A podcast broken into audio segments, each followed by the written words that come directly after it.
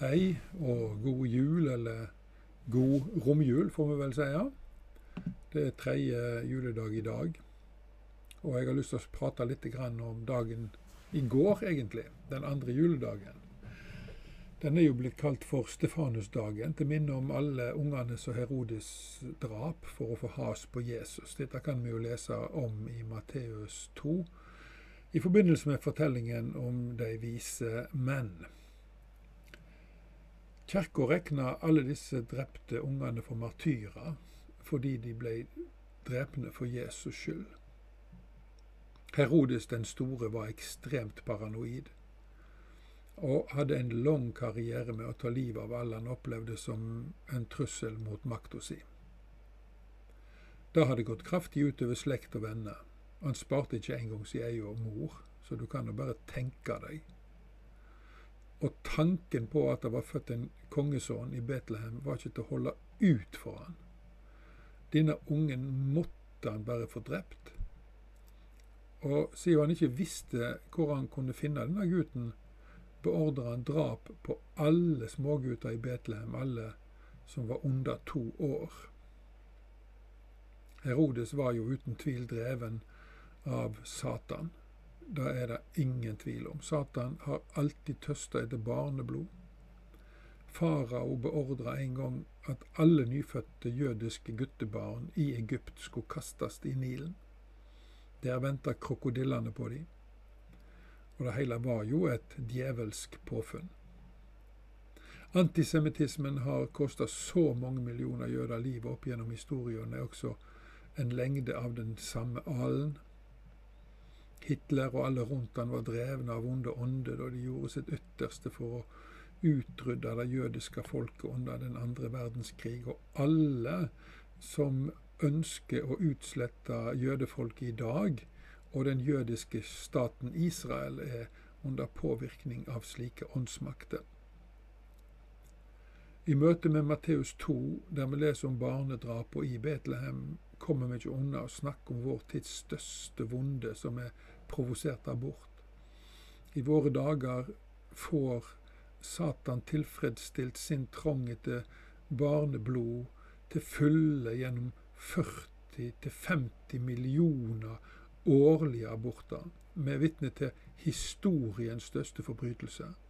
Og de fleste bryr seg lite og ingenting om det som skjer, sjøl om vi liker å tenke om oss sjøl som ytterst gode og rettferdige mennesker.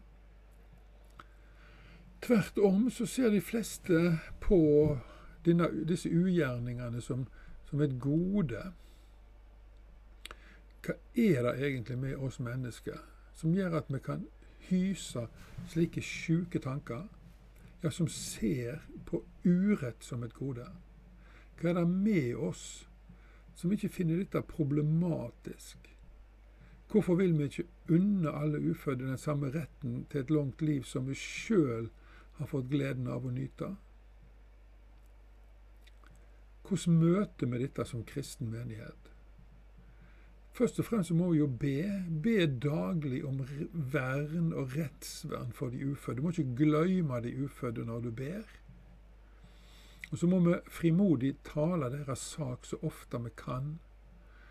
Og, og, be om at Gud skal sende sin ånd og opplyse folket vårt om rett og galt, om godt og vondt, slik at de kan vende om fra sine vonde gjerninger og til Gud og hans veier.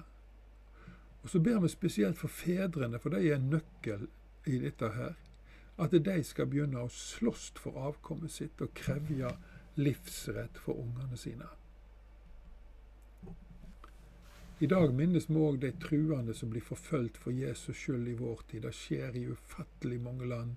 I India, Kina, Nord-Korea, Somalia, Nigeria, Burkina Faso, Mali, Sudan, Afghanistan, Iran, Usbekistan, Turkmenistan, Russland, Vietnam, for å nevne noen.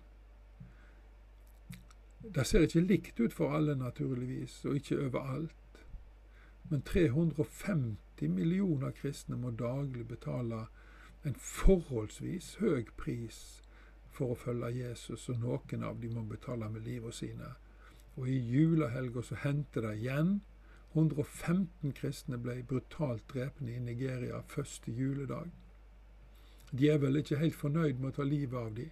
Han må gjøre det på en av kirka sine største høytidsdager, gledesdager, for å gjøre gleden over Jesu fødsel om til sorg for hans disipler. Men på tross av alt det som skjer, så går Guds rike fram som bare det i våre dager. Og det er det som gjør djevel så fryktelig sinna. Men da skal vi komme tilbake til mer i en seinere podkast. Jeg har spennende ting å fortelle om Guds rikes framgang, spesielt i India. Nå skal vi be Herrens bønn. Vår Far i himmelen. Lat navnet ditt helgas, lat riket ditt komme. Lat viljen din råde på jorda så som i himmelen.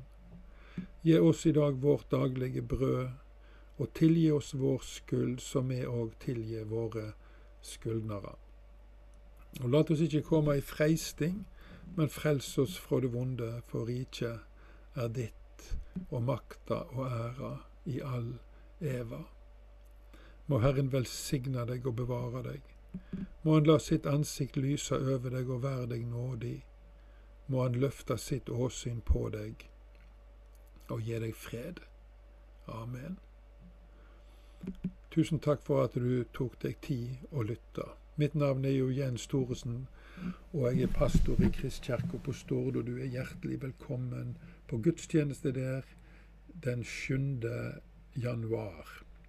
Og inntil neste sending så får vi si på gjenhør.